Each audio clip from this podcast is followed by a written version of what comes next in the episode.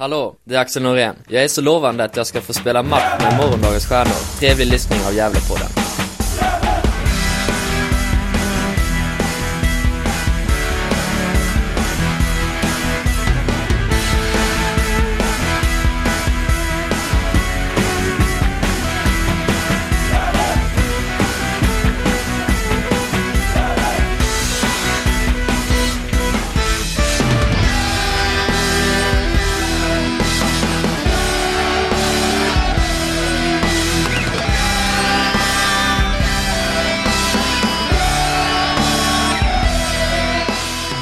Hälsa hälsar er varmt välkomna till Gällepodden och det är återigen dags för vår årliga tabelltippning för etta norra. Och eh, med oss som vanligt är Johan Norrström. Hur är läget Johan? Jo, men det var fint. Ja, men det var väl äntligen, eh, ja det var skönt att vi äntligen fick ta tag i det här med, med tabelltittningen. Det var lite försenad eftersom som du Pontus eh, eh, åkte utomlands mitt i alltihopa. Precis, det blir ju så. Eh, första, vad ska man säga, seriepremiärmissen om man säger så, eh, på flera år faktiskt. Jag, farsan fyllde 60 och så då, då drog vi till Spanien så då, då, fick man, då fick man missa seriepremiären på ett bra sätt. Så är det och som ni hör så är det ju Pontus Andersson som gäster oss. Återigen expert eh, på ettan i övrigt men även såklart ettan norra som får vägleda oss lite genom dagen och eh, kommentera om hur rätt eller fel jag och Johan har. Eh, Och vem man tror mest på kanske. Jag brukar ju säga det, ni kan ju minst lika mycket som mig. Alltså, jag, jag har inget facit, brukar jag säga. Eh, Alla har ju sin vad ska jag säga, åsikt och, och fått sin uppfattning om lagen. Liksom. Sen, sen är det ju fortfarande lagen som ska visa det, men jag brukar säga att det, det finns experter och, och experter. Alltså, jag tycker att alla tränare är experter, för det är de som sitter på kunskapen. Det är ju oerhört svårt att vara expert eh, när det gäller ettan norra också för att den är så otroligt eh, svårtippad. Eh, så att, eh, ja, det är lika spännande varje år att se om man lyckas eh, pricka någonting rätt åtminstone. Ja, alltså det är ju så. Alltså, sen blir det också som, som alltid, det är ju stora trupprotationer och det är nya klubbar som byter tränare och så vidare. Så det är, det är svårt att hålla reda på allting. Så när man väl sitter där och liksom kollar på vilka man förväntar sig vara topplag och vilka som hamnar här och där så känns det, är så svårt att säga. Mm. Och eh, det som är värt att säga är att vi spelar in det här efter omgång två. Men både jag och Johans tippningar gjorde vi innan premiären. Så eh, den påverkas inte av resultaten nu då. Men det blir lite mer spännande på ett sätt att nu vet man lite hur, hur några matcher har gått. Så det blir, det blir kul, och- kul att se om vi är lite rätta tankar eller inte. Eller Johan? Ja men äh, absolut. Äh, äh, naturligtvis är det ju lite svårt i en serieinledning också att få se, se vart, det vart eh, barkar ändå tycker jag. Det har ju varit, varit en del överraskningar här i de två första omgångarna. Så att, eh, ja, nej, som sagt det är en spännande serie, ettan norra, så är det. Mm. Och eh, kommer göra så här att vi börjar geografiskt sett eh, norrut. Så vi kommer börja med Piteå. Sen tar vi oss ner i landet och eh, ja, i vanliga fall skulle Motala avsluta. Men vi känner att eh, vi vill avsluta med Gävles tabellposition. Så det blir ett undantag. Men så så är ordningen. Så kommer vi prata lite längre om vissa lag och lite kortare om andra lag. För annars blir det otroligt långt om vi ska grotta ner oss i varje lag. Eh, så man får säga no offense till vissa lag att eh, ni, det betyder mycket ni också, men inte lika mycket som alla andra. ja, men ska vi börja då med Piteå IF? Eh, förra årets eh, starka överraskning får man säga och väldigt starkt eh, hemmalag. Vad säger du Pontus om du får börja? Hur kan man klara sig utan Pashang Abdullah som lämnar till Dalkurd? Ja, det är ju den stora frågan i år, lite grann hur, vem som kommer göra målen och sådär. Men jag tror att när man sett lite grann under inledningen av matchen, eller av säsongsinledningen nu, de här två första, så de skapar ju mycket målchanser, men de har inte riktigt haft den här kliniska anfallaren där framme i Pashang Abdullah som de hade i fjol. Ehm, men jag tycker ändå att just det här Piteå som vi såg i fjol var intressant. Men sen är det också ett Piteå 2.0 som vi, har, som vi kommer få se i år. Jag tycker att de har ju fortfarande kvar Fredrik Johansson och, och, och Keith där bak. Och jag tycker försvarslinjen är liksom stark. Och framåt också har de ju fått in Gustav Nord också. Ehm, den här unga talangen som, som, har, som var en sväng hos er i fjol också. Så jag tycker ändå att de, de, har, de har rustat bra utifrån tappen som de har haft. Liksom. Men det svåra kommer ju bli liksom att få igång målskyttet. Det är det som är A och O eh, i, i ettan. Man måste ju ha de här eh, spelarna som gör målen, de här ledande spelarna eh, framåt. Men jag tror också att det kommer, Piteå kommer nog komma igång desto senare, liksom, just när allting har satt sig rent i spelet. Och jag skulle inte förvåna mig om att till exempel som Fredrik Johansson är en sån poängspelare i år som visar framfötterna. Liksom. Vad är er känsla av Piteå hittills och vad tycker ni om dem i fjol? Liksom? Mm, nu börjar du Johan. Nej men det kan väl jag göra. Alltså, nej men det är, det är, då, då var det stor överraskning även förra säsongen, helt klart tycker jag. Det är eh, glädjande också att, eh, att ett lag eh, uppifrån, längst upp i Norrland där som, som kan kliva in och, och göra det så bra, bra som nykomling också. Eh, jag är väl lite inne på, på samma spår som dig Pontus. Jag har ju tippat dem eh, på nionde plats så det är ju väl ungefär där de hamnade förra året också. Men jag vågar inte underskatta dem. Eh, det är egentligen stora eh, tappet när det gäller spelare är ju Bashang Abdullah men, men annars är det ju fortfarande ett, ett intressant lag som jag tror kommer att eh, ställa till det framförallt jag ställer till det för de andra lagen ser framförallt hemma där i Piteå då. Och ja, som du säger också då Pontus, så har vi ju Gustav Nord som var en sväng i Gävle och vi vet ju vad han kan göra när han är som bäst. Så nej, jag tycker fortfarande att Piteå ser spännande ut. Ja, jag... och, sen så det här, och sen det här, det som, det som var så, det som alltid återkommer i, i, i fotboll, liksom det här, det andra året. Eh, det, det svåra året liksom. Det ska bli spännande att se hur Piteå kommer liksom eh, kunna svara upp till det om de lyckas under det andra tuffa året också. Lite som Täby gjorde i fjol. Det var ju på, på håret där. Men det ska bli, ska bli kul att se hur Piteå kommer att svara på det. Mm, och eh, det är ju utmaningen. Men jag säger som styrkan tycker jag att man har man har inte tappat så många spelare. Man tappar en Bayer till Sylvia såklart. Men sen är det många som har har lämnat självmant. Eh, eller ja, klubben har valt att släppa. Eller hur man kan se på det. Eh, så jag tycker det ser spännande ut och jag såg lite av det här Studio Piteå där som de gjorde på YouTube, vilket var en fin produktion och men jag slår mig liksom av det här lugnet som sportchefen har där, Johan. Eh, som jag tycker, ja det är väldigt, det ger mig också en lugn, därför jag tippar jag åtta. Så det ja, tycker jag är fint att se. Mm. Men det är också, om man är från Norrland så är man ju generellt lugn. Så. ja. Han, han ingjuter ju faktiskt ganska bra självförtroende utåt när han, när han pratar om eh, nyförvärven och sådär. Det var lite kul att både, eller framförallt att William Videhult hade redan anammat norrländskan lite grann i, i intervjun där. Mm. Ja, återstår att se hur det går för Piteå. Men eh, vi rör oss vidare då till en nykomling.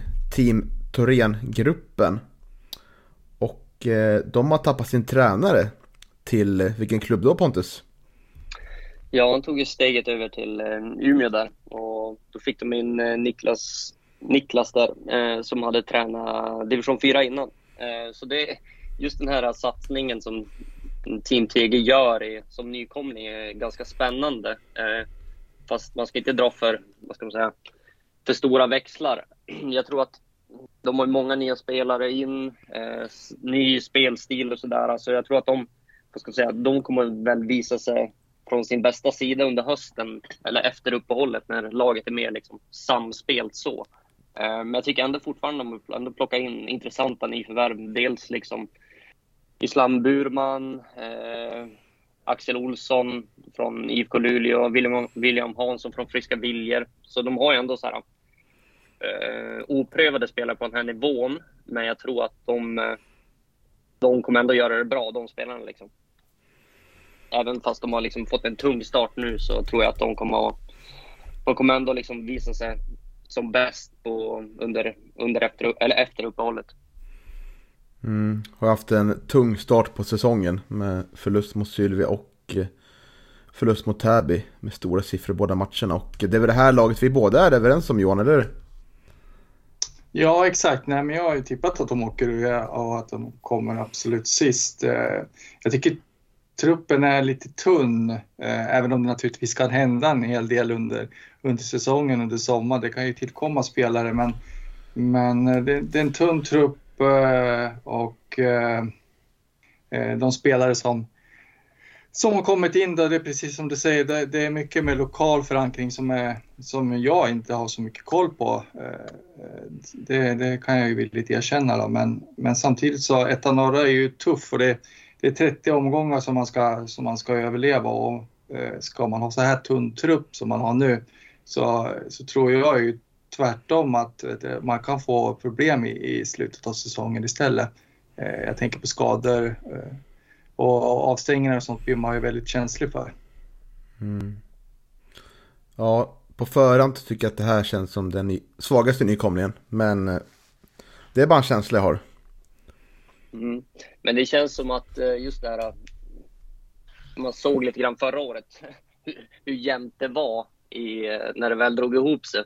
Jag tror att ett sånt scenario kanske kommer att utspela sig i år igen, där några av de här lagen kommer att vara inblandade. Liksom. Ehm, vi får se om de, hur de kommer att sköta sig under hösten också. Mm. Då rör vi oss vidare och då är vi kvar i samma stad, nämligen Umeå FC heter de till och med. Eh, som, eh, ja, ser väl spännande ut som vanligt. Eller hur Pontus? Ja, det tycker jag. Jag tycker att de har värvat otroligt smart. Alltså, de har plockat in etablerade ettanspelare. Alltså, jag tänker på Eh, Amara Batiar, Lukas Bergqvist som spelade i Hudiksvall där, eh, Alexander Seger från Brommapojkarna eh, och sen några oprövade kort på så sätt. Men jag tycker det de har visat hittills, de här två första matcherna, rent spelmässigt så har de ju visat att de ska vara med där uppe och stångas. Jag tycker att de har varit riktigt bra och just det här, de här spelarna som var kvar i fjol, eh, som var bra, men i år har de liksom blivit ännu bättre. Ta till exempel Linus Marklund som är en riktig ångvält eh, på kanten. Och det var väl min kompis där, eh, Karl Sundström, som skrev att det var väl lite Gareth Bale-vibbar över honom i, i första matchen där i premiären mot Vasalund där han verkligen gjorde vad han ville på sin kant. Liksom. Eh, men rent generellt om Umeå, ja alltså det är ett Umeå 2.0. De har byggt vidare på fjolåret och jag tror att mm, det, det, kan räcka långt den här säsongen för dem. Mm. Jag gillar när man, när man jämför spelare i etta norra med superspelare i Real Madrid. Men ja, härligt. Precis, det det är bra, bra jämförelse. Ja. Eh, jag är en av, av oss här som inte tror på Umeå i år faktiskt. Jag tippar dem sexa. Eh, men jag kan dock hålla med om att det, Samuel Wikman har ju gått, eh, gått till lån dit från Sirius som var Gävle förra året. Och jag tycker att han var en, en injektion för Gävles anfallsspel förra året. Så det ser jag som en styrka. Men jag ser väl lite som förra året att eh, jag tycker att jag har svårt att se vem som ska göra målen där framme. Jag tycker att det var deras problem förra året. Och jag tror att det kommer bli, kommer bli svårt i år. Men jag ser dem som en stabil övre halvan-lag Eh, så därför tippar jag dem som, som sexa.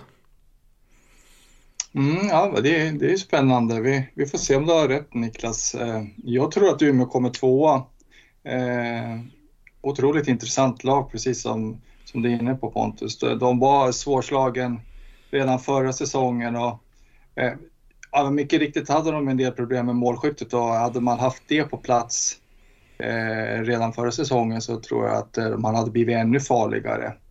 Eh, eh sen så, så har de ju fått behålla sina nyckelspelare. Det är Mbaye, Eboa Kamp, Marklund eh, som är otroligt liksom, duktig där ute på, på kanten. Och så har man ju värvat in Alexander Seger och lånat in Samuel Wickman då, som, som vi Gävlesupportrar eh, fattade tycke för under hösten. Och är en otroligt intressant spelare. Får se, får se honom utvecklas i Umeå. Det, jag tycker att det, ja, det var lite synd att han inte att han inte liksom fick, eller Gävle fick möjlighet att eh, låna honom eh, också den här säsongen för att eh, eh väldigt bra spelare.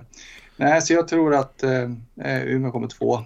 Vad Pontus tänker så här, det, förhandstipsen har ju talats mycket om eh, Sandviken, Vasalund, Karlstad och Gävle. Hur kommer det sig att inte Umeå som ändå har visat på finspel förra året och har vässat truppen, hur kommer det sig att de inte hamnar i den diskussionen tror du? Jag tror att de smyger lite grann i vassen där. Eh, just på grund av att det finns, vad ska man säga, lag som har kanske värvat mer spektakulära namn utifrån det.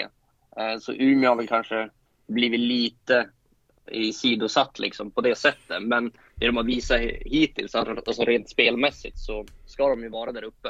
Eh, men eh, det känns som att fortfarande liksom att när man tänker på Umeå så kanske man inte tänker på att ah, men de här ska vara ett topp tre-lag på det sättet. Eh, speciellt i år när det är så pass många säga, som, som, vill, som är hungriga och vill uppåt. Så då kanske Umeå har blivit lite sidosatt på det sättet. Men samtidigt är de ju bra. Liksom. Det, har de visat. det visade de i fjol också.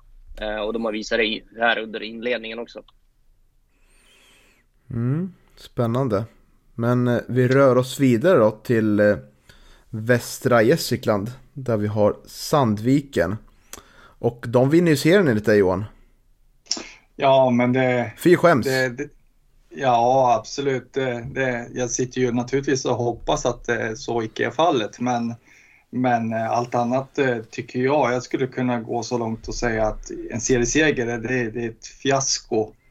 Eh, tar man inte det så, så är det ett fiasko för Sandviken, det tycker jag. Jag menar det, de har ju ett lag och, och helt andra resurser egentligen eh, än, än de flesta lag i ettan norra. Så att, eh, Eh, de, ska bara, de ska bara springa hem där. Jag menar Isak Broholm, eh, Kofi Asari och så har man eh, Jonathan Tefai som var otroligt duktig. Sylvia förra säsongen. John Junior vet vi eh, vad, han, vad han kan göra. Naim Mohammed gjorde mycket mål förra året.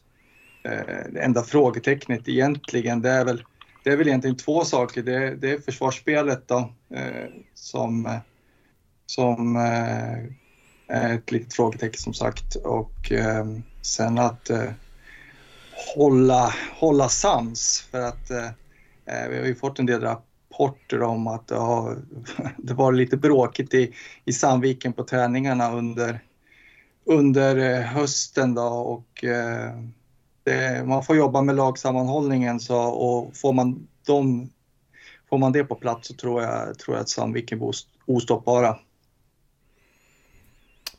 Ja, jag har inte tippat dem som seriesegrare.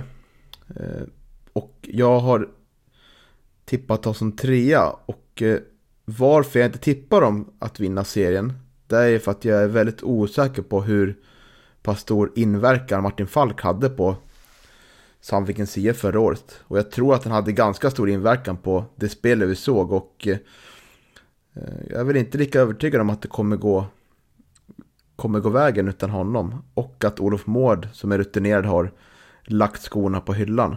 Men jag håller såklart med om att det är ett otroligt eh, fint lag på pappret och eh, eh det kommer bära långt. Men jag tror de två faktorerna gör att de inte kommer nå ända vägen fram. Vad säger du om våra spekulationer här, Pontus? Nej, det är intressant faktiskt. Det, känns som när man väl, när väl eh, vad ska jag, vinterfönstret drog igång och efter Sandvikens avslutning där på säsongen så kändes det som att, äh, att äh, det, kan, det skulle hända mycket liksom i Sandviken för de fick ju efter den där lyckosamma våren och och de låg väl tvåa efter uppehållet och skulle bara köra, eller fightas med Sandviken där, eller med Brommapojkarna där. Så, då dippade de lite grann på hösten och så kändes det som att när de väl klev in i vinterfönstret så kändes det som att de skulle rusta ordentligt bra. Eh, och det har de gjort. Alltså, jag tycker att de har gjort ett väldigt många bra nyförvärv. Alltså utifrån, mm, utifrån samtliga i ettan så är det kanske troligtvis de som har värvat mer bäst, bästa spelarna i alla fall. Eh, och lite som ni säger med Jonathan Tesfaye där, det kommer bli otroligt nyttigt. Eh, men samtidigt så, så är det ju svårt det där. Alltså det är ju många spelare i truppen som kanske hade varit ordinarie i andra lag som kanske sitter på bänken och sådär. Eh, så det, det, det, är lite svårt det där. Alla vill ju ha speltid liksom, så det kommer ju vara svårt för dem att liksom, alla ska få speltiden där. Men jag tycker att just det här att truppen som de har, de kan ju rotera, de kan ju anpassa sig efter motståndaren på ett helt annat sätt än vad andra lag kan. Eh, säg att de möter ett lite tuffare lag som de behöver mer fysik, ja men då kan man slänga in de spelarna. Om man vill ha ett mer direktare spel, liksom snabba omställningar, så har de det också. Så de har ju liksom alla, eh, alla verktyg i verktygslådan för att liksom, ta, ta den här seriesegern. Och det skulle inte förvåna mig heller om de går hela vägen, för det känns som att de fick smak på det i fjol, eh, vad som krävs för att vara där uppe och i år så borde de vara där uppe hela vägen. Ser du någon skillnad på, på årets Sandviken? Jag tänker på den nya tränarkonstellationen?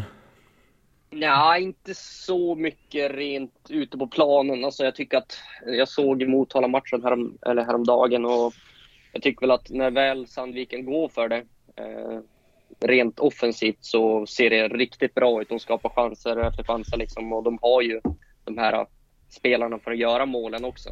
Eh, sen tycker man ju lite synd om motståndarna när när man har spelat 70 minuter mot eh, Danilo Alsaed och då slänger man in John Junior och Martin Springfeldt sista kvarten. Liksom. Eh, det visar ju bara vilken, vilken typ av trupp de har till sitt befogande. Liksom. Eh, men rent offensivt så jag tycker att det ser kanske lite mer rakare ut än vad det gjorde i fjol. Eh, men man ska inte dra för stora växlar redan efter två matcher. Liksom. Mm, spännande. Eh, vi hoppas väl ändå att jag får mer rätt här än än eh, Johan Norrström. Det är vi alla överens om. ja, eh, jag tänker att vi rör oss till Värmland och eh, Karlstad. En av de stora mm, giganterna det pratas om i den här serien. Eh, var har du, vad har du dem, Johan? Eh, men eh, Karlstad har tippat trea. Satsningen fortsätter ju där naturligtvis. Och Eh, de hade ett tufft år efter sammanslagningen där och eh, repade mod och var, var riktigt bra eh, förra säsongen, framförallt under eh, sommaren och hösten där. Eh, ja, eh, truppen är ju ganska likvärdig tycker jag jämfört med, med förra säsongen och eh, ja, frågan är ju om, om de verkligen Ehm, är tillräckligt bra för att utmana Umeå och Sandviken. Jag, jag känner inte riktigt det. Ehm, eh, man har förvisso eh, stärkt upp defensiven med, med Linus Salin och eh, eh, sen så har man ju Isak Boye och David Johannesson kvar där uppe på, på topp. Eh, men ja, nej, tredje plats tror jag att de hamnar på. Det som är spännande i år tycker jag det är att många av de här topplagen har ju lyckats behålla eh, toppspelarna och en stor del av stommen. Vad, vad tror du det beror på Pontus?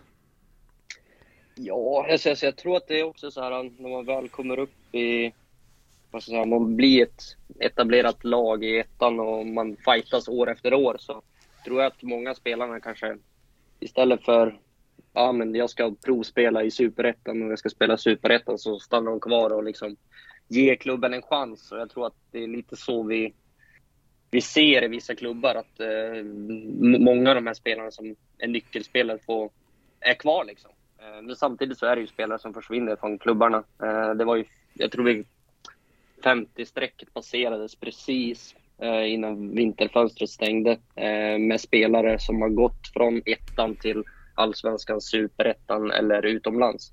Eh, så det är väl det är ju fortfarande ett bevis på att det levererar spelare från ettan och uppåt eh, eller utomlands. Men det är fortfarande många av de här spelarna som är, som är bra i ettan som stannar kvar i ettan-klubbarna. Och det tycker jag det är kul att klubbarna får behålla de här spelarna. Och, och det blir ju lite som vi är inne på och det vi pratar om att eh, det är många förväntade topplag och det är ju en del av faktan också att spelarna stannar kvar.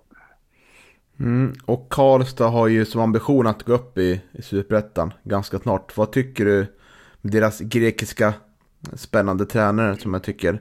Hur ligger de i fas? Ligger de, är de väl förberedda tycker du?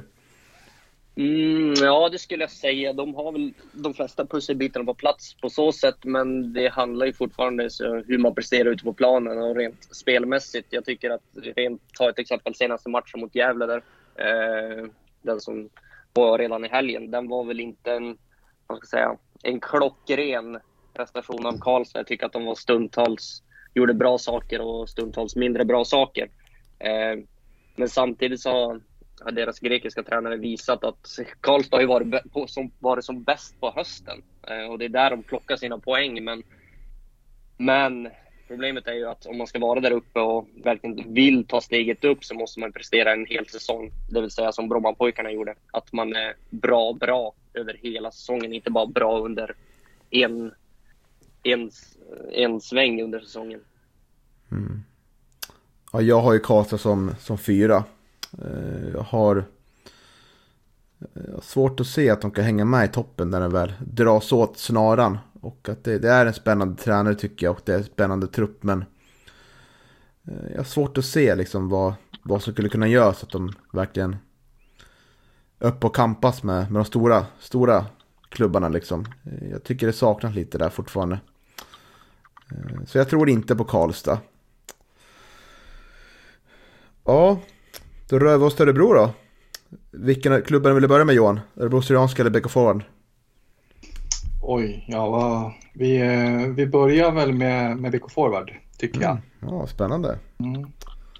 Får man tolka eh, som man vill. ja, nej men eh, ja, det, det, är klart det kan bli spännande. Det, det vet man aldrig. Man, det är ju ett av några som sagt. Eh, nej men Forward, de halkade ju in lite på ett bananskal eh, när, när Akropolis fick eh, tacka för sig där. Och när de miste sin elitlicens. Och, ja, de eh, huserar ju i division 2 nu och, och, det går ju inte så bra för, för Akropolis. Men ja, ja, nu var det inte dem vi skulle prata om. Eh, jag, jag har tippat eh, BK Forward eh, på 15 plats. Jag tror att de åker ur.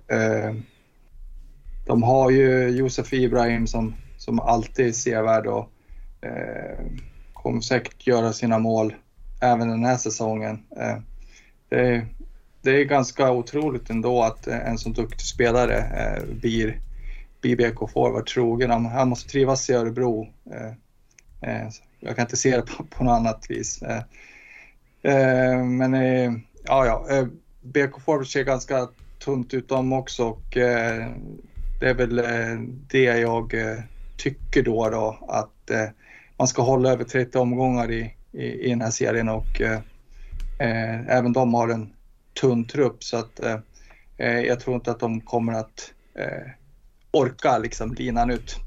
Jag tror de åker ur. Vad kan det ge oss för information då, Becka Forward? Vad skiljer det sig från? De var ju uppe för några år sedan Pontus. Mm. Vad skiljer sig det här laget från det? Nej, alltså de har ju byggt vidare på samma stomme. Så de, det är ju som tidigare BK Forward. De, de fostrar spelare och plockar upp spelare. Sen så vissa spelare Få chansen annanstans. Liksom. Eh, men eh, just det här eh, upplagan av BK Forward, den är väl ganska svängig skulle jag säga. I, i ett ord. Eh, när man såg BK Forward lite grann under förra hösten, eh, lite grann under försäsongen och det vi sett hittills under säsongsinledning så är det ju det händer grejer i deras matcher. Det blir mål både framåt och bakåt. Eh, så det är, ganska, det är ett svängigt lag på så sätt. Det, det blir målrika matcher när, när, de, när de väl spelar. Liksom.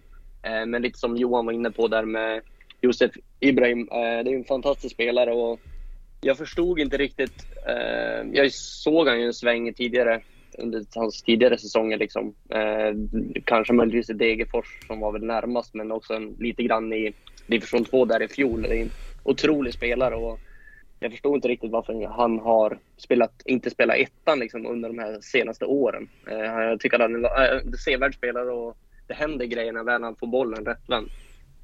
Mm. Men de har ju fortfarande Rickard kvar som tränare. Han har ju tränat BK Forward väldigt länge. Etablerat namn. Så det känns... Eh, det blir, det blir, sväng, det blir svängigt att se BK Forward den här säsongen. Ja, och eh, här kommer ju då min skräll i årets tabelltippning. Jag tror nämligen att BK Forward kommer tolva och överraskar de flesta. Och, eh, hoppla. Ja, hoppla. Hoppla Kerstin. Eh, men eh, det här är ju en serie som är fylld av skrällar och eh, jag tror att minst en nykomling kommer skrälla rejält och då tror jag faktiskt BK Forward och de gjorde ju sjuka 93 mål förra året i serien. Och det måste ju säga någonting. Utan att ha sett en match men och Josef Ibrahim som vi sagt så Ja, jag tror på BK Forward. De kommer nog stånga till sig många poäng på Trängens IP.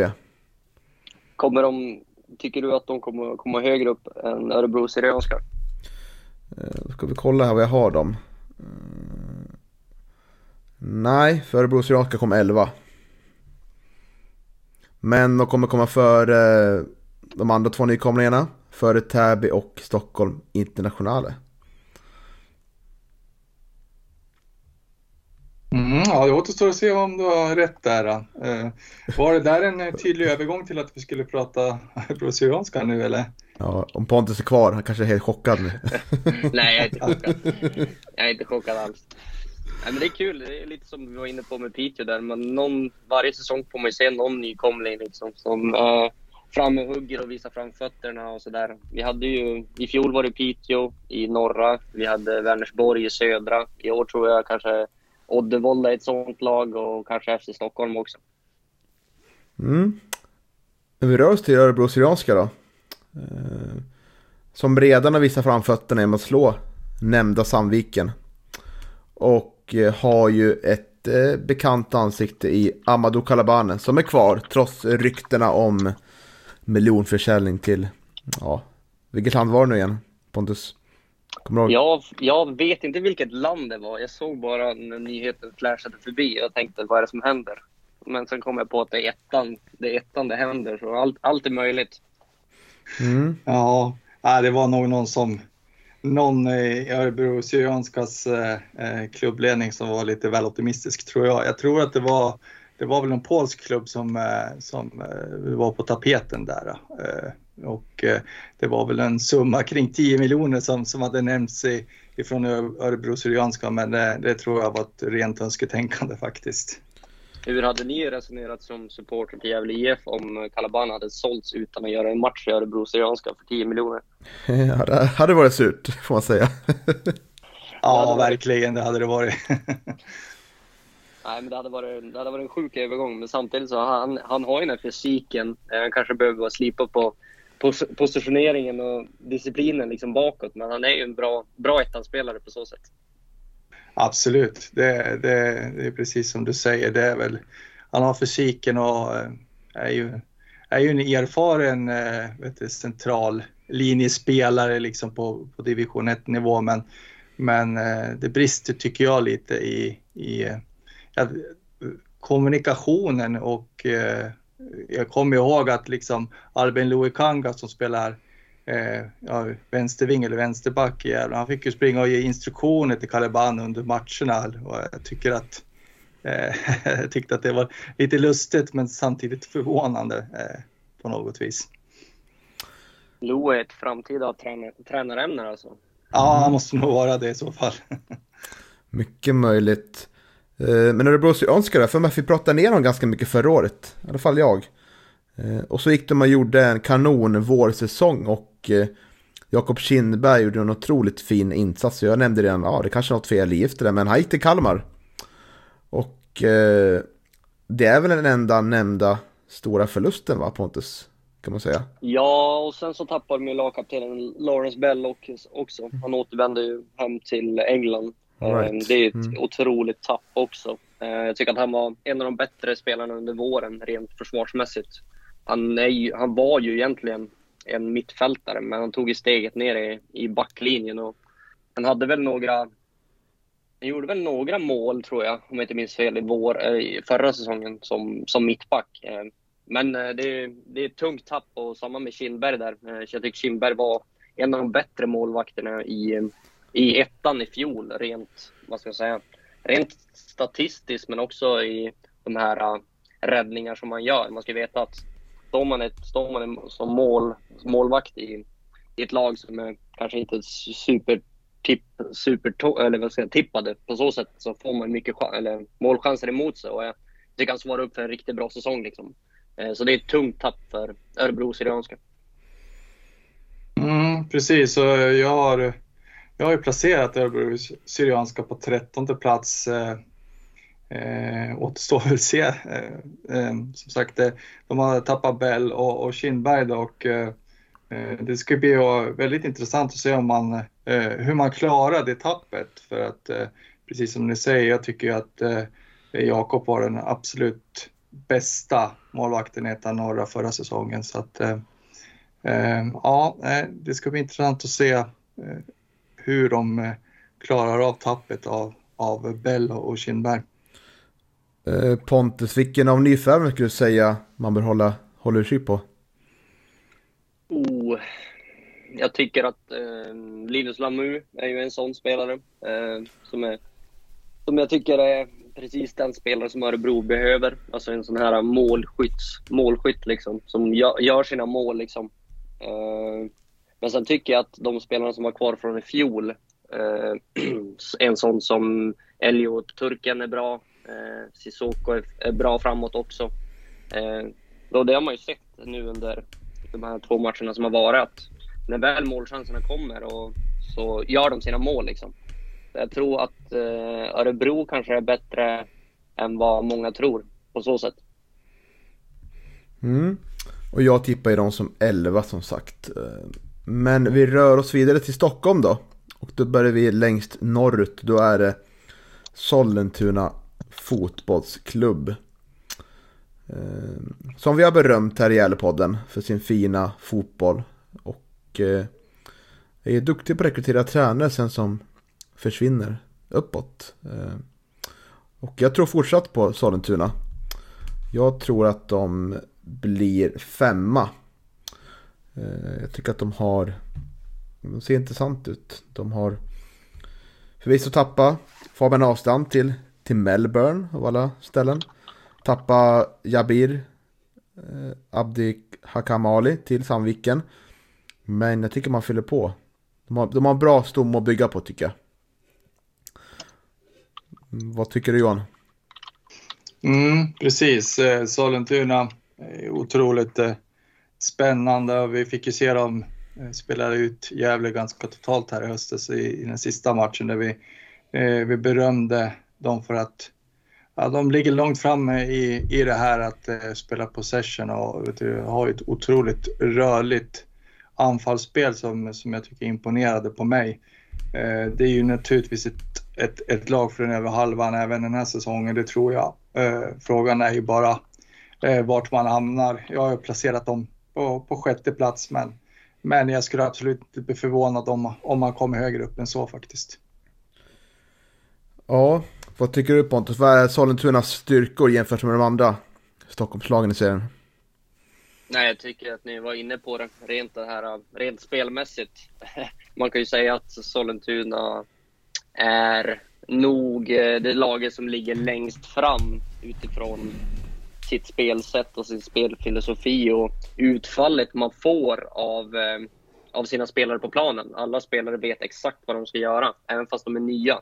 Ta till exempel en sån som Gustav, eh, Gustav Lindgren som de plockar från Karlbergs BK. Det känns som att han har ju spelat i Sollentuna i flera år för han vet exakt vilka rörelsemönster han ska göra ute på planen och vilka bollar som kommer in och allt sådär. Alltså det känns som att under hösten i fjol så tyckte jag att man såg att de väl hade fått ihop det. Eh, och så såg man nu under försäsongen att det var ett Sollentuna 2.0 och med många nya spelare som är bra. Liksom. Eh, det känns som att det, var en, det är en liten varningsflagg för Sollentuna. Eh, att de kan nog vara med hela vägen i år. Just med det här laget och det här spelsättet som Douglas har etablerat. Vad menar du med hela vägen då? Är det Uppflyttning till och med? Nej, kanske inte uppflyttning, men jag tror att de är nog med. När det återstår fem omgångar så är de nog med och slåss om en eh, kvalplats. Det skulle inte förvåna mig. Eh, men samtidigt så handlar det om att, att vinna fotbollsmatcher. Eh, de har ju haft lite otur här i, under inledningen och de här två inledande matcherna. De har ju skapat tillräckligt mycket eh, för att för att vinna de här matcherna, både mot Vasalund och mot eh, Piteå.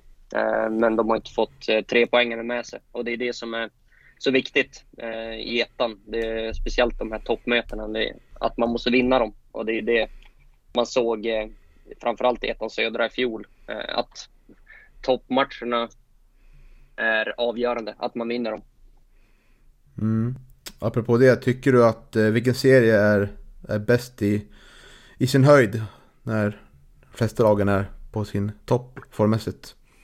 Eh, det är ganska hugget som stucket. Jag tycker att i fjol så tycker jag att ettan norra var bättre än ettan södra utifrån Brommapojkarna och Dalkurd och alla de här lagen. Eh, I år med Falkenberg, Gais och, och de lagen som är kvar eh, så tror jag att det är hugget som stucket i år. Alltså, det hade varit lite kul med liksom en All-star-match och man, man ställer upp de bästa spelarna i ettan norra möter de bästa spelarna i ettan södra och man skulle se vad resultatet blir. Eh, men det känns som att om Sandviken hade mött till exempel Oskarshamn, Gävle hade mött eh, eh FC Trollhättan. Det är hugget som stucket faktiskt ibland. Det beror, allt beror på vad, vad man kommer med för lag och om det är gräs eller konstgräs. Mm. Och eh, vi ska vidare till Stockholm. Och eh, nu måste vi hålla i oss här Johan, för nu ska vi till Täby. Oj, ja Oj. precis. eh, vi får, får välja våra ord den här gången. Mm, otroligt tydligt. Det är otroligt tydligt, ja. Täby som har, har de mest engagerade supporter på Twitter tycker jag i den här serien. Förutom oss själva då. Så hatten av tycker jag. Man ska säga emot oss om man inte tycker som vi gör och debattera och så vidare. Men vi tror inte på Täby år heller. Tills Täby sporternas stora besvikelse. Eh, och eh, ja, det är ju en styrka att de hänger kvar år efter år. Men jag får mig att jag, att jag tyckte att de skulle komma lite högre förra året tror jag. Än vad de gjorde så. Det kan vara att det var Andreas som tippar ner dem som vanligt. Hur som helst så tror jag att det blir tufft år igen. Eh, och här är vi, det är två lag vi är överens om. Och det är de här, det är ju, det är ju Täby andra laget där. Vi tror att de kommer på 14 plats. Eh, det är styrka att Daniel Erlandsson är kvar som tränare. Men jag tycker inte att det imponerar lagbygget. Eh, Daniel Stern har förvisso återvänt från Geis men annars så är det inte mycket som jag tror kommer göra att det blir, blir bättre från förra året. Vad säger du Johan? Nej, nej, men jag är väl ganska enig. Eh, det är väl, det är väl en styrka att ha någon som Daniel Erlandsson naturligtvis i, i Täby, men det, det, är samtidigt på något vis också en svaghet för att eh, eh det blir liksom eh, det blir inte bra heller när man har så knappa, resurs, så knappa resurser så att det är liksom det är han som ska göra allting. Eh, och eh, eh, det är väl Täbys liksom svaghet. Det är, väl, det är resursmässigt och precis som du säger så, så imponerar inte lagbygget den här säsongen heller, även om som sagt Daniel Sterner naturligtvis kommer att göra en del mål. Det, det, det är en duktig spelare men, men det, det, det är även frågetecken kring det här med med att klarar man en hel säsong över 30 omgångar. Jag har sagt det om de övriga två bottenlagen också och eh, jag tycker det är någonting som bör, ta upp, bör tas upp när det gäller Täby också. Ja Pontus, hur ska du rädda upp där? säga, säga, säga någonting positivt om Täby? Ja. Eh, nej, men jag tycker alltså ni är inne på lite eh, olika vinklar och sådär. jag tycker att ändå ni sätter lite fingret på det att den här truppen som de har i år kanske är inte lika stark som, som det har varit tidigare. Eh, men samtidigt ska man inte underskatta de här eh, egna produkterna som de plockar, plockar upp eh, eh Täby. Det är ganska imponerande att det är en, kanske det är inte den största klubben i Stockholm på så sätt, och, men de har fortfarande bra talanger som de plockar upp år efter år.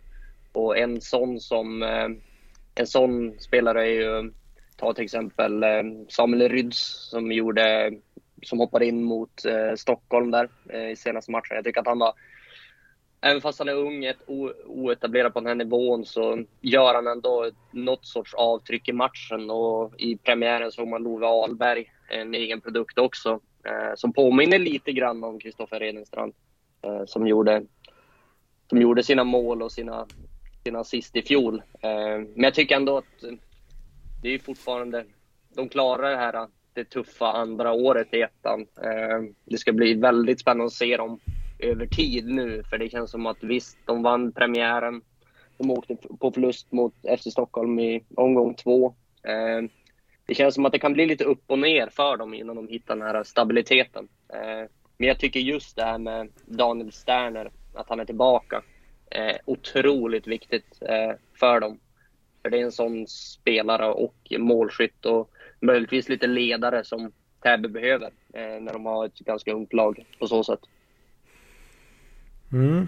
Och eh, vi ska vidare i Stockholm. Vi ska till de södra förorterna och eh, nämligen IFK Haninge. Och om jag säger så här Pontus, jag tycker att IFK Haninge är det lag som är svårast att tippa. För jag tycker att det blir antingen fågel eller fisk är, eh, är min spaning om. Efter att ha sett Haninge några år nu. Vad säger du om det? Nej, men jag, tycker, jag håller med dig lite. För det var lite kul just det här eh, inför den här säsongen när man, när man gjorde, sammanställde så ett lag värvat liksom. Och så tänker man, ja men vad Haninge plockat in för typ av spelare? Eh, och sen såg man att ja, men datumet var i februari och IFK Haninge hade inte publicerat någonting förutom att man hörde, hörde lite grann på omvägen att de har haft extremt mycket provspelare på plats. Så ju närmare premiären vi, vi kom och en vecka innan då såg man att det började eh, ljusna och man såg vilka spelare som de hade gjort klart och, och så vidare. Eh, så de, de, är faktiskt väldigt svåra att analysera, eh, Haninge. Och det är kanske en, utåt sett kanske det är svårt, men det är också kanske en styrka för dem, IFK Haninge, att man inte riktigt vet, motståndarna inte vet, riktigt vet vart man har dem. Nej, precis. Och eh, ett namn som sticker ut, Kennedy Ibanike. Eh, gammal allsvensk spelare. Eh, är det någon att räkna med fortfarande tror du? Ja, vi får väl se. Eh, det är, samtidigt han har gjort sina matcher i högre upp och nu ska man spela ettan eh, när man kliver över 30-strecket. Men jag tror fortfarande han kan göra sina mål här och var eh, på så sätt. Och de hade ju... Alla lag behöver sina anfallare och det är ett bra alternativ framåt för dem. Ehm, samtidigt så visst, mm, jag tycker Riksson, är spännande också. Han har ju också varit högre upp och gjort det bra i ettan i fjol. Men eh, en spelare som jag tror kanske kommer sticka ut lite mer i målprotokollen än honom, det är ju Alexander Adouay som de plockade från Vasalund. Jag tycker att eh, redan när han fick chansen i 2020-säsongen, nej förlåt, i Superettan i fjol, så tycker jag att det fanns någonting där och det jag tycker att mm, han gjorde mål nu senaste matchen också. Jag tror att en sån spelare kommer bli en nyckelspelare för dem på lång sikt. Mm. Vad tror du Johan? Blir det fågel eller fisk ja. eller mittemellan? Ja, exakt. Nej, det är precis som ni är inne på båda två. Det, det, det är svårt med Haninge att, att analysera och, och, det är väl nästan det svåraste laget i, i år att placera tycker jag. Eh, nu har jag ändå satt dem som tia Eh, det har ju verkligen svängt eh, om Haninge, inte bara på plan utan, utan det har ju varit en otrolig spelaromsättning de senaste två säsongerna. Så att jag tror att det kommer ta ett tag innan det sätter sig. Det var precis som Pontus sa, det var, det var väl bara några veckor innan, innan serien skulle dra igång som, eh, som de flesta liksom, ja, truppbygget kom på plats ordentligt. Och, eh, de kommer nog att blanda och ge här i, i början och eh, kan säkert bli att räkna med efter sommaren här tror jag. Och det är ju spännande just med, med Haninge, det är att de, man ska säga, de hade väl kanske inte den bästa säsongen i fjol liksom, men utfallet blev ju fortfarande att de tappade tre spelare uppåt. Det var ju Bernardini, eh, Eh, Karim och eh, Gustav Berggren där. Eh, så de, man vet ju att när de väl plockar in spelare och vad ska jag säga, låter dem få speltid och utvecklas i Haninge så blir utfallet oftast bra liksom för spelarna. Men sen kanske lagmässigt så har det varit lite pendlande på så sätt. Mm. Ja, Omar Mogge är ju, är ju verkligen duktig på, på att hitta, hitta spelare som, som lyckas på den här nivån och, och som, som precis som du säger också som, som fortsätter uppåt i seriesystemet. Så, eh, han har blick för det där, han är duktig. Mm. Ja, det får man igenom. Och sen så, jag tycker att eh, man får inte glömma bort eh, spelare som de plockar upp också. Eh, jag tycker att Abbe Kamnelius som gjorde sin första säsong i fjol i ettan. Eh, en ung lovande talang som har en fantastisk fin vänsterfot och bra teknik. Eh, det är en sån spelare som man ska hålla utkik, utkik efter också. Ja. Mm, ja, det ska vi absolut göra. Jag tippar dem som nia. Så jag tror väl att det kanske blir lite, ja det kanske är mittemellan då. Ehm, och det vore lite ovanligt om de kommer mittemellan faktiskt. Men så får det bli. Ja, ska vi... Vi är fortfarande kvar i Stockholm, men nu ska vi till, eh, ja, får man säga, den hypade nykomlingen. Stockholm Internationale. Och eh, ja, det här med hypade lag i ettan norra har ju svårt för. Eh, vi kommer ihåg vad det blev av Akropolis. Som hypades mycket, nu är det spirror och eh, vi kommer ihåg vad det Karlstad United skulle spela Champions League. Om, om fem, tio år va? Eller vad det sades. Ehm, så jag är inte lika övertygad om att Stockholm International kommer storma fram. Ehm, vad är din känsla eh, kring Stockholm Internationale, Pontus? Eh, jag tycker att deras, vad ska man säga, om man säger hype, eh, jag tycker att de lever upp till det. Eh, hittills i alla fall, utifrån värvningarna som de har gjort, utifrån spelsättet, utifrån tränaren också. Alltså Rebas Hassan har ju, var ju gick ju assisterande till eh, Mattiasson där i Sollentuna innan han tog över FC Stockholm. Eh, jag tycker ändå att hypen är mm, den, den, den, är, den, den är den den ska vara. Liksom. Eh, jag tycker ändå att det, de, de kommer, tror jag, vara den här nykomlingen i år som kanske sticker ut mest tillsammans med Oddevold i ettan södra. Både kanske spelmässigt men också i la, alltså värvningar och, och sådär. Jag tycker att den vad ska jag säga, hypen är befogad.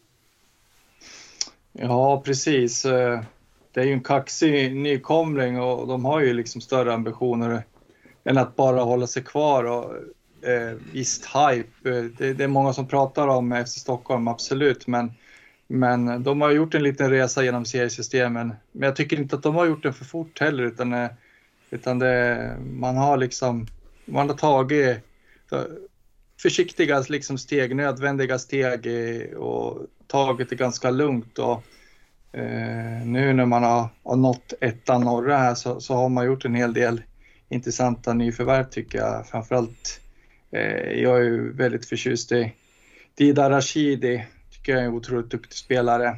Och eh, sen har man ju kvar eh, Stefan eh, Ostic som som gjorde otroligt mycket mål i tvåan förra säsongen. Så att, eh, eh jag tror att det kan bli riktigt roligt att se FC Stockholm den här säsongen. Okej, vad har du för plats då? Ja, förlåt, jag glömde bort det. Jag har placerat FC Stockholm sjua faktiskt. Eh, eh, de, jag tror att de kommer överraska många. Mm -hmm. Och jag tippar dem på trettonde plats. Oj, oj, det här. Ja, det kan man få äta upp sen, eller hur? Ja, vi får väl se, vi får väl se när, du, när du väl möter dem. Jag tror att de kan, eh, kan överraska lite eh, i alla fall. Men jag tycker just det här, eh, de värvningar som de har gjort, alltså de har ju värvat extremt bra utifrån för att vara en nykomling och just det här att de plockar in eh, Dobrevic från Ljungskile. Eh, den säger ganska mycket vart, vart de är på väg men Dobrevic visade också här under säsongsinledningen att det är en spelare att räkna med för, för dem på mittfältet. För eh, hamna, Hamnar mittbackarna i en pressad situation så är alltid Dobrievic där och kan, kan öppna upp med passningarna och sådär. Jag tycker man såg det mot Täby också att så fort eh, eh backlinjen blev stressad så passade de till Dobrievic och han, han passade bollen till en öppen yta och det var en omställning. Liksom. Eh, jag tycker att de, de kommer nog Eh, sticka ut och just Stefan kan han framåt, eh, anfallaren. Jag tror att han kan vara en möjlig kandidat där han gör kanske sina plus 15 mål. Eh, bara han får, får de här lägena. Han är, han, han är en vass avslutare. Ja, precis. Verkligen. 25 mål tror jag han gjorde i tvåan förra året. Så att, eh, eh otroligt bra. Sen så tycker jag att eh, det är lite extra roligt att de har hemmaplan på, på Stockholms stadion också. Så då får du besöka den Niklas. Ja, du ska väl också med? Och Pontus också? Ja, ja, ja precis. Jo, vi kanske, vi kanske kan sammanstråla i, i Stockholm och på Stockholms stadion. Vi kan, Absolut. Vi kan ha en hel kväll där. Så jävligt IF skåpa ut Hammarby TFF. Eller ja, ja, ja. Det, det också men Stockholm är internationellt såklart. Bottenlaget FC Stockholm. ja, precis. Ja, vi får väl se. Uh, kul att vi ändå är lite oense om saker och ting. Det blir spetsar till det lite mer. Ja, verkligen. Mm. Och uh, det är många lag i, i Stockholm här. Uh, nu ska vi till Hammarby TFF, herrfotboll. Ja. ja. ja. Bayern Junior. Mm, verkligen. Som uh, fyllt på mycket från U19 och det är det typen av lagen vi kommer få möta, ett ungt lag. Men har ju även fått, eh, har väl varit delaktig i att tömma Hudiksvall på bra spelare också va? Eller Pontus? ja, lite så. Eh, det var en sjuk avslutning där. Eh, där i, I fjol där, där, vad var det?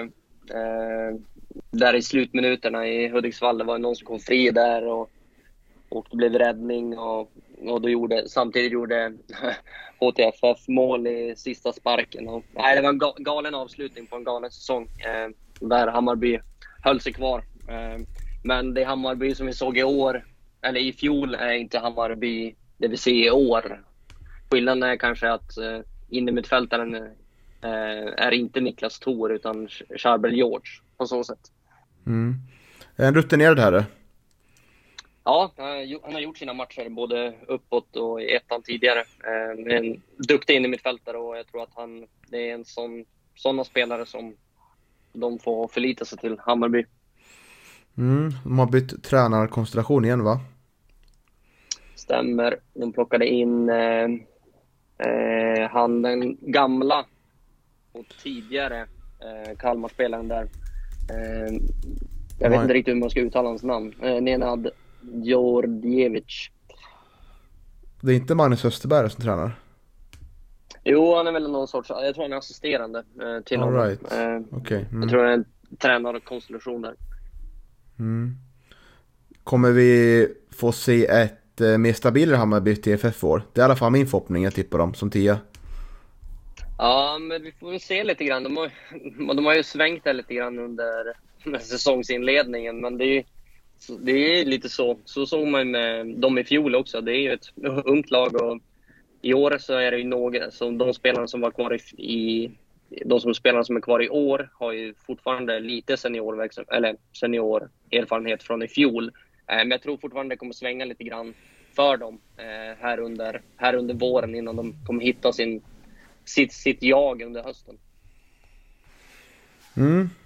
Ja, jag har dem på tionde plats. Eh, jag tror att det kommer bli ett eh, mer, mer stabilt Hammarby TFF får. För det finns ju, som vi förra året, otroligt mycket talang. Såg bland annat när de, eh, den här 60 minuterna de gjorde mot oss på kanalplan där. När inte vi hade en chans. Så jag tror förhoppningsvis får de ihop det lite bättre. Så kan det bli en trevlig säsong. Det var ju den matchen som det blev domarbyte va? Mm, det var väldigt bra kan man säga. det var väldigt bra för Gävle. Kom ja, 11 ser jag här i mitt papper. Johan, att du tippar dem. Ja, precis. Jo, det var som jag säger, Bayern Junior idag. Nej eh, eh, men eh, de är HTFF, de, är, de ska ju fostra framtidens stjärnor till, till Hammarby och, och sådär. Och Hammarby vill naturligtvis att, att laget ska hålla sig kvar på, på division 1 nivå och så. Men samtidigt så är det ju liksom huvudfokus verkar ju vara, bara att man ska utveckla spelarna så att eh, eh, det, är ju, det känns ju ändå som ett lag för, för, för den undre halvan på något, på något vänster liksom. Eh, de är ju bolltrygga men de spelar ju samtidigt med ett väldigt stort risktagande och, och det där är, det kan ju eh, det kan ju belöna sig eh, i och med mål men men, eh, men oftast så, så brukar det resultera i baklängesmål och det är som Pontus säger att jag tror att det kommer att, att svänga en hel del. Eh, även både resultatmässigt och under matcherna också tror jag att det kommer att svänga en del. Så eh, men 11, 10-11 där någonstans tror jag ändå huvudklubben då, Hammarby kommer att vara nöjd med. Mm. Och eh, vi rör oss till Solna som är sista anhalten i Stockholm. Och eh, där har vi Vossalunds idrottsförening. Vad tror du Pontus jag tippar de här? Eh, ja, alltså utifrån eh, där de var i fjol, eh, spelarna som de har fått in eh, och själva truppsammansättningen så ska de nog vara med och utmana där uppe. Eh, sen kanske de inte kanske fått den bästa möjliga starten eh, i och med att de hade de förlorade premiären stort mot Umeå. Eh, kryssade nu senast efter ett fantastiskt mål av Elias Durmas.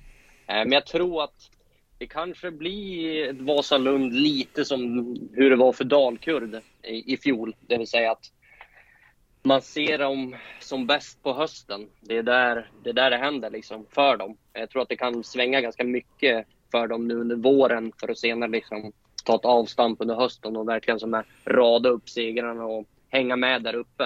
Eh, men det känns fortfarande som att det, det, det vi ser nu är inte det Vasalund vi kommer att få se där de är, där de är färdiga liksom. Nej, de har börjat lite knaggligt får man säga. Men jag tror att det här är ju det laget som vinner ettan norra 2022. Och eh, jag tycker att man har hanterat den här nedflyttningen till ettan ganska bra med att dels ha talangfulla spelare men även ha rutinerade herrar som Victor Söderström och Andrew Stadler. Eh, som är pålitliga och även rutinerade och eh, kan göra mål. Så jag tror att det kommer bli det är ganska trevligt att vara Lund framöver. Det är jag är väl lite tveksam kring kanske till tränaren. Jag vet inte så mycket om honom. Eh, vad har du att säga om eh, tränaren då? Pontus, jag kommer inte på namnet just på nu.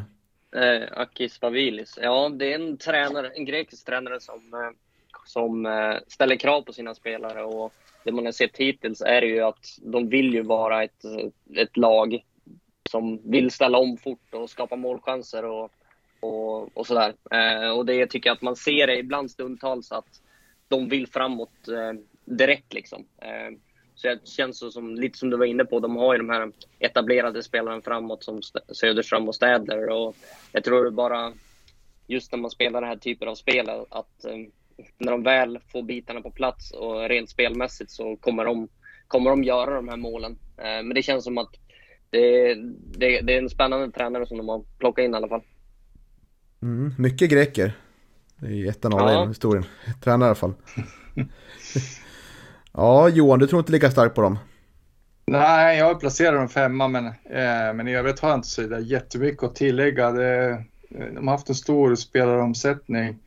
Eh, men man har ju, man har ju värvat eh, intressant och det, det är nog precis som du säger Pontus att det, eh, det, det Vasalund som vi ser nu det, det är nog inte det vi kommer se under hösten. Frågan är ju, är ju om man lyckas spurta så bra så att man vinner hela serien. Det är jag mer tveksam till.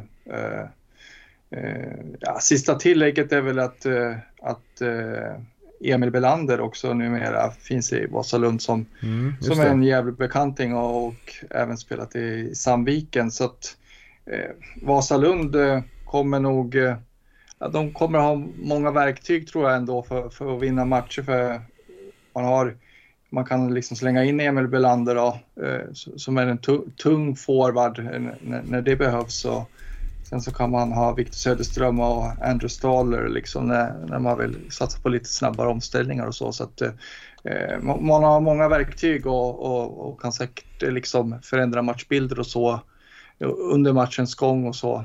Eh, så eh, ja, Vasalund blir nog eh, intressant efter sommaren tror jag. Mm.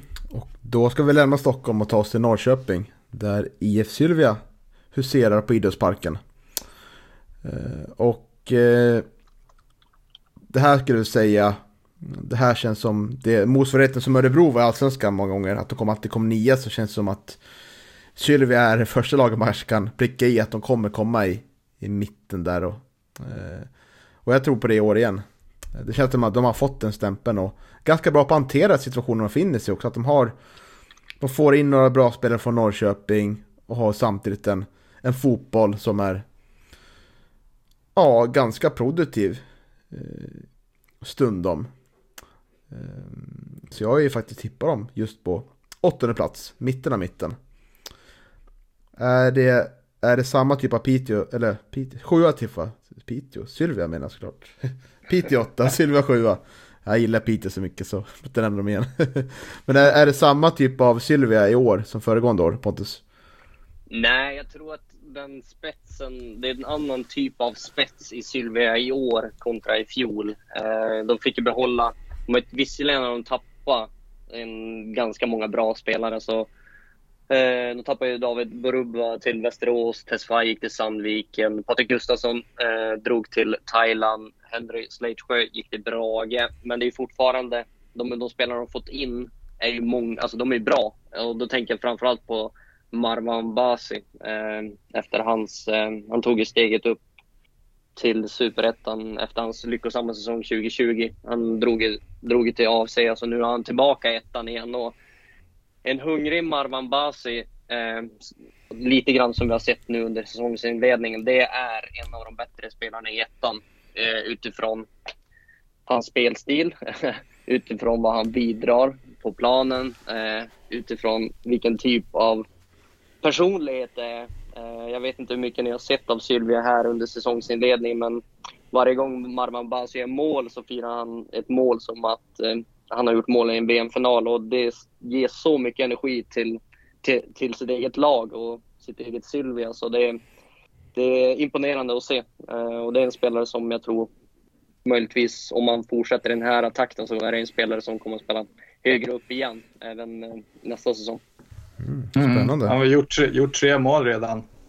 Ja, han, han, han, han, han har gjort fyra plus ett om jag inte så. Ja, just det. Ja, just det. Ja, det är ju det, är, det är som jag säger en otroligt duktig spelare där.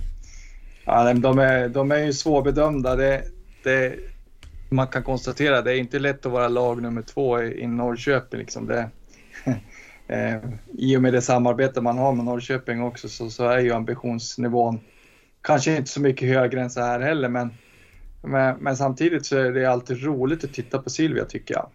Eh, och eh, ska man nämna någon spelare till också som jag tyckte såg spännande ut i den senaste matchen så är det Daryl, Daryl Camden Tibell. Jag vet inte om jag uttalar det rätt men, men eh, ser ut att vara väldigt intressant. Jag är fostrad i, i, i Norrköping.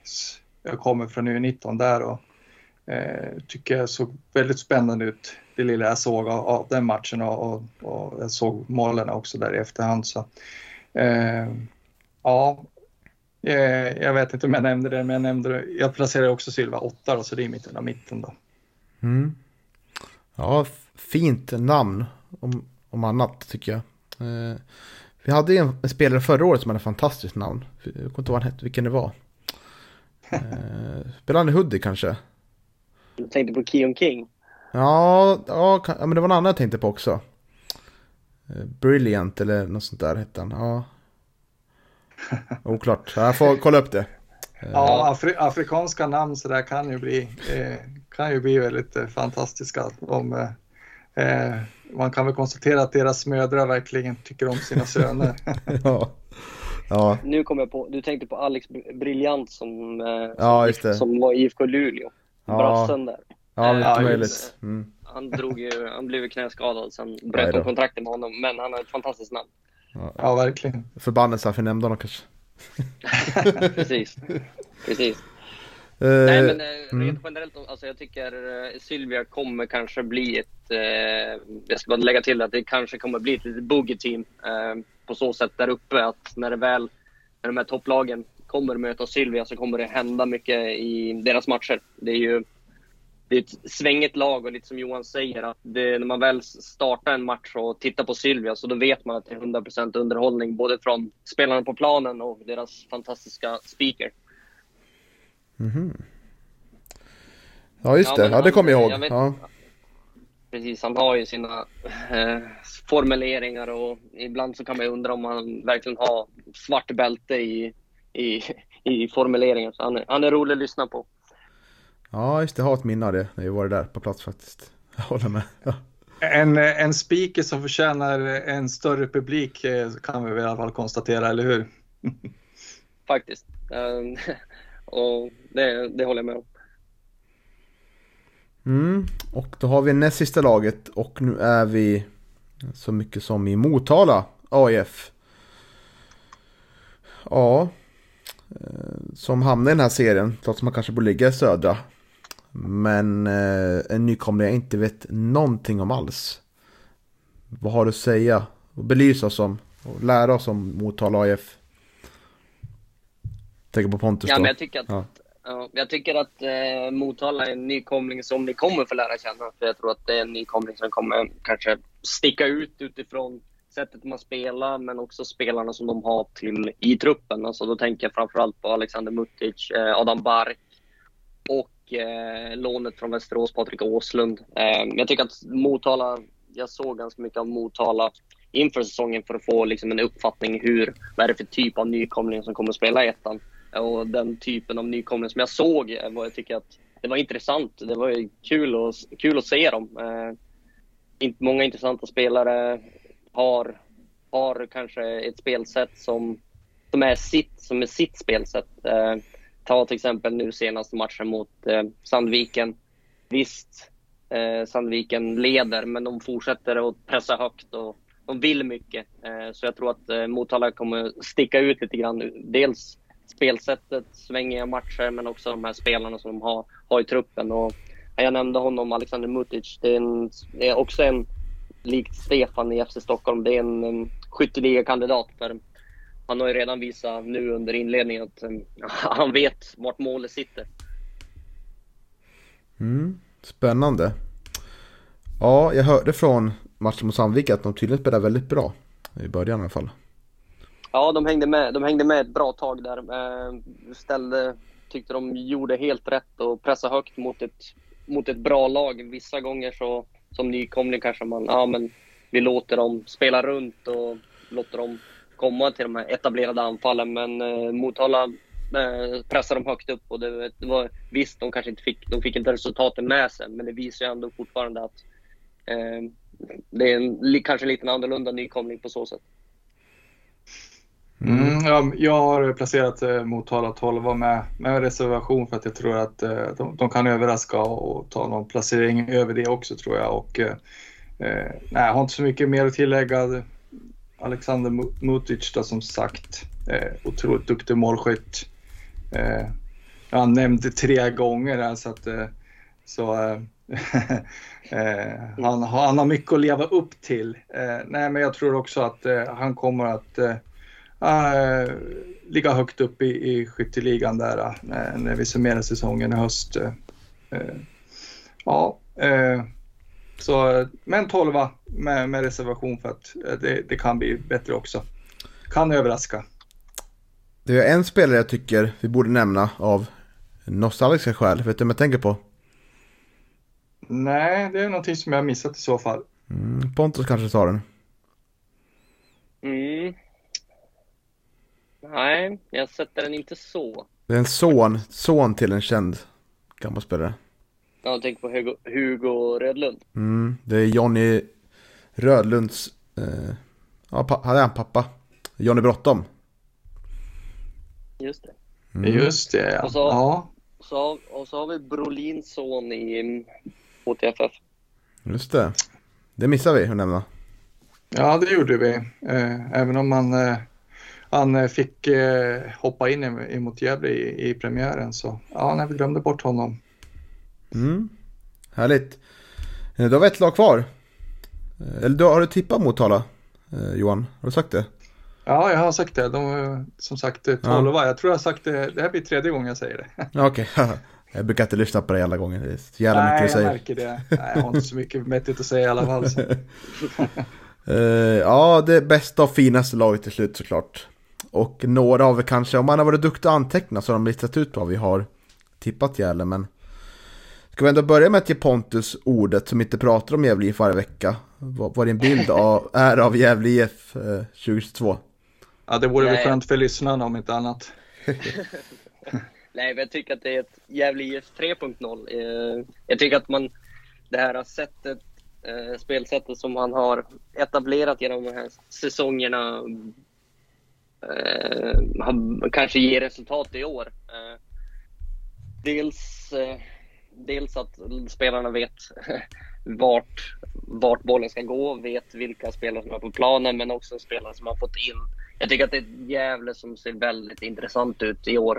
Och den här mittfältaren som alla skriker efter eh, blev ju Ranera såklart. Eh, och jag tycker att det han har visat hittills, visst, eh, han har hoppat in i en match, startat en match, men det syns ju när han är på planen att vad, vad, han, gör, vad han bidrar med i passningsspelet. Han är alltid spelbar. Eh, alltid öppen för passningen. Han kan alltid slå sin öppna passning. Liksom.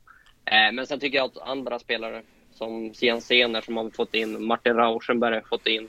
Alltså det, det förändrar attityden i Gävle IF tycker jag på ett, till ett positivt sätt. Att när man möter Gävle IF så hör man, eller känner man att man möter Gävle IF. Då tänker jag dels Eh, Rauschenberg med hans, eh, han, han ropar, han skriker, han hörs och så tänker man på Sian med sin attityd framåt. Eh, med hans pressspel, med hans löpningar. Eh, backlinjen får aldrig en riktigt lugn stund. Och det jag tycker att det var en sekvens i seriepremiären mot eh, Hammarby TFF där jag tänkte ja det här är ett annat jävla IF. För jag tror det var scener i 88 så låg han ner, fick en spark på foten. Vissa spelare kanske hade legat kvar.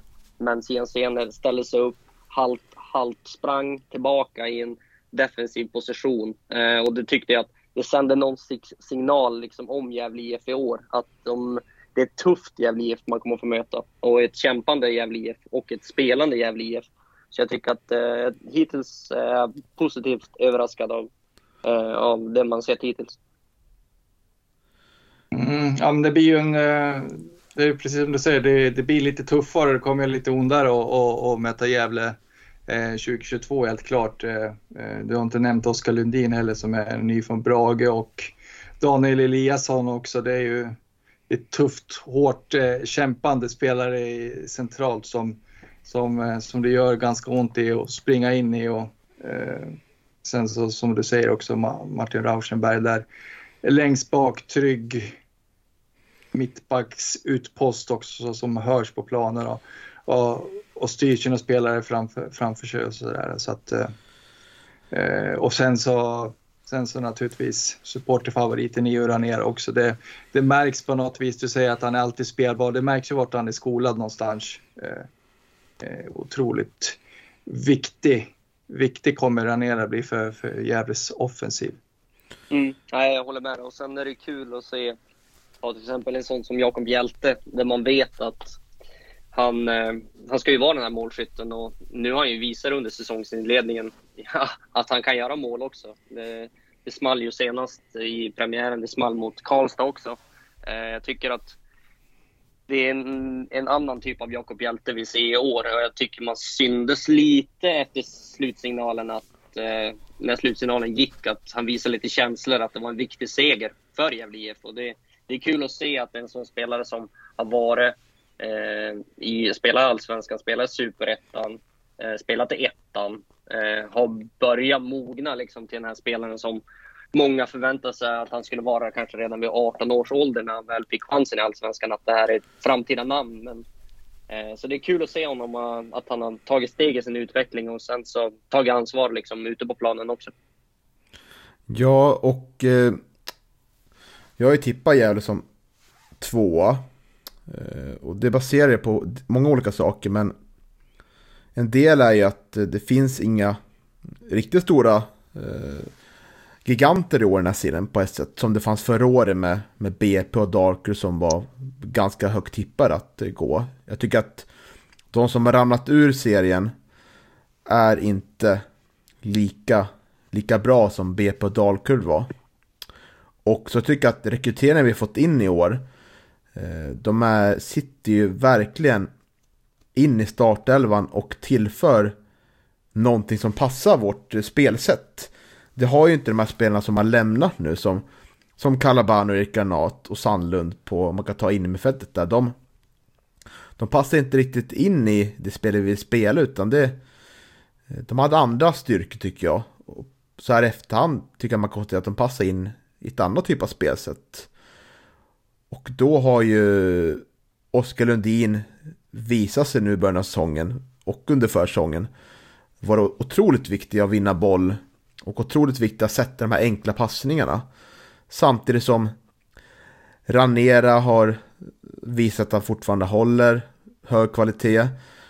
Albin har också visat att han kan ha en bredd som spelare, att kunna, att kunna spela på olika positioner. Och Sener eh, blir ett, eh, visar för att tre kompetenta anfallare där framme. Och Aspgren som en höger, höger wing som vi inte haft på, på jättelänge. Så mm, om det är något läge att gå upp eh, och verkligen tampas om platserna på riktigt så tycker jag det är ett år för att vi har ett bättre lag i år pappret än vi haft eh, både 2020 och 2021 tycker jag. Mm, jag, håller, jag håller med dig. Truppsammansättningen eh, ser eh, liksom mycket mer homogen ut till det här året. Eh. Men jag har försökt hålla nere mina förhoppningar på en rimlig nivå. Jag, jag svävade iväg lite förra året. Så jag har placerat Gävle fyra men men de får gärna, de får ju gärna överraska mig positivt naturligtvis. Det, det ser intressant ut, det, det, håller jag med om Niklas. Eh, vad tycker du Pontus, vad är orosmålen då? Vad, vad kan göra så att det blir en, att det blir en mindre rolig säsong för Gävle IF?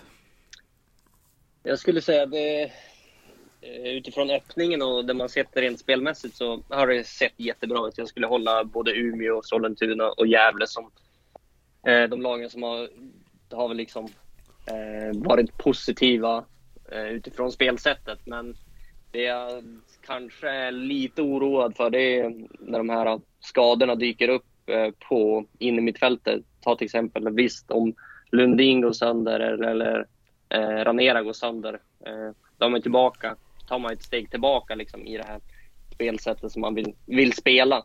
Eh, jag tänker mig kanske inte att ersättarna är lika bra som dem. Eh, det är väl kanske lite det som är orosmomenten, att när man väl får de här skadorna eh, så kan det bli lite kämpigt. Eh, men samtidigt så jag tror att jag tror att eh, motivationen i, i år i Gävle IF är ingen, ingen brist på. Eh, dels på grund av, jag tror varken, jag tror inte ens varken Rauschenberg eller Sener tillåter det. Och det ser man ute på planen också. Det, det är 100 procent som gäller hela tiden och Eh, bara ett exempel, den här situationen i seriepremiären där Rauschenberg tar en 50 meters löpning för att skälla ut en spelare eh, som har sparkat på en annan Gävle IF-spelare. Eh, det, det, det sänder ganska mycket signaler ut, utåt sett, eh, även, bland, även fast man inte är en supporter. Liksom, att det är ett annat Gävle IF eh, som man ser i år. Eh, men det, om det är någonting som kan sätta stopp för att man ska hänga med hela vägen in så är det möjligtvis skadorna. Eh, men spelmässigt så tycker jag att det ser jättebra ut. Mm, precis, och du är inne på det där med skador också. Det, det är väl ett av mina orosmoment, det är ju Tim Markström och eh, de, den knäskada som han dras med. Eh, han är ganska hårt bandagerad om knät efter matcherna och eh, får ju behandling, eh, fick ju behandling för, för knät mitt i matchen däremot eh, i premiären mot eh, Hammarby då, och sådär och eh, jag vet inte Eh, jag vet inte om Alvin Lorenz liksom är, är, redo där bakom liksom och, och, och ta ett större ansvar. Det, det, det är väl mitt lilla orosmoment också då, om vi ska prata skador. Ja, och jag har väl också lite ett orosmoment över eh, om Martin Rauschenberg skulle gå sönder jag tycker det är viktigt där att man eh, nu har man ju använt Martin Rauschenberg väldigt bra. Han kommer att bli otroligt viktig. Men det är viktigt också att andra spelare runt om honom eh, växer också i sin ledarskapsroll. För att eh, verkligen ta initiativ när, när han är borta. Vem kliver fram? Vem tar den centrala rollen? Vem blir pådrivaren? Vem blir liksom den som styr backlinjen? Blir det Kevin Persson? Blir det Theodor Hansemon? Blir det William Wallin? Eh, där finns det en ett orosmål för mig att för förra året så var det ingen riktigt ledargestalt tycker jag som verkligen sätter samman eh, vårt försvar. För släppte in mycket mål förra året. Så där behöver, om det nu skulle hända, hoppas det inte händer. Men om Martin Rauschenberg skulle gå sönder så behöver någon steppa fram där. Mm, och det, det är väl extra olyckligt då att eh, jag tycker det är extra olyckligt att Nils Eriksson liksom drog på sig en ny skada här nu på försäsongen för att jag tror att han hade nog kunnat vara var den som hade kunnat kliva in och ta ansvar och, och styrt upp eh, försvarsspelet utifall Rauschenberg inte kan spela och det är väl, eh, det är väl inte bara skador när det gäller Martin heller utan att eh, jag tror ju inte att han kommer att spela alla matcher den här säsongen för att han kommer ju dra på sig få ett par varningar skulle jag tro och så att i någon match kommer vi att, att få klara oss utan Martin. Mm. Pontus, vem tror du vi kommer få ha mest glädje av då i laget under säsongen? Uh, jag skulle nog säga uh, Sian uh, utan tvekan. Alltså, jag var redan, jag, jag hade ju sett honom innan han gjorde sin första säsong i ettan så hade jag ju sett honom i Hudiksvall sen tidigare liksom och jag visste att det var en bra spelare och, och jag tyckte det var, visst han fick ju chansen där provspela med GIF Sundsvall men de tackade ju nej. Han gick till Hudik, han gjorde en bra säsong i fjol, kanske inte fick utifrån kanske inte fick igång målproduktionen så. Men när, jag, när Gävle värvade honom, då tänkte jag att det här är ju perfect match. Alltså, jag tror att det jag sett av scener hittills, jag, jag är imponerad. Jag, det, jag tycker att det är fruktansvärt roligt att se honom på planen. Liksom, för det är en sån här spelare som verkligen ger allt i 100% i löpningar. Och även fast han kanske ibland inte bidrar offensivt, men han tar ju av åtminstone det defensiva arbetet. Liksom. Och jag tror sådana spelare växer kanske inte på träd i i, i nu, numera. Liksom. Nu är det, man ska fokusera så mycket på mål och statistik och hit och dit. Men de här spelarna som verkligen tar jobbet till 100 procent, de växer inte på träd. Och jag tror senare kommer eh, bli, bli en spelare för er som ni, som ni kommer att kanske bli li, lite ikonisk på så sätt. Mm. Ska vi avrunda där kanske? Det har ju vunnit med alla 16 lag här. Och eh, det har blivit en, en, en del surr om alla lag. Vad är känslan då Johan? Vi hade, du hade väl, hade väl tre, fyra rätt på gemensamma förra året va? ja. Ja, känslan är, det, det är lika ovisst som vanligt. Det, jag, jag, jag, vågar inte säga någonting utan vi får försöka summera det här i höst. Det, det, det är svårt med ettan norra så att eh, eh det, det är väl det som är känslan att det, det är lite var som helst kan hända. Ja, känslan är att man, man känner att man börjar få lite grepp på när ser det, men så brukar det inte vara. Man brukar ju kunna brukar ju nås av, av verkligheten att det är, det är alla kan slå alla i den här serien. Och eh, mm, verkligen. Så, så kommer det säkerligen bli. Ja, stort tack Pontus för att du tog dig tid och eh, bildade oss som våra eh, konkurrenter i den här serien. Tack själv, kul, och, kul att vara med igen. Mm. Och med det så önskar vi alla lyssnare en trevlig vecka. Så hörs vi imorgon.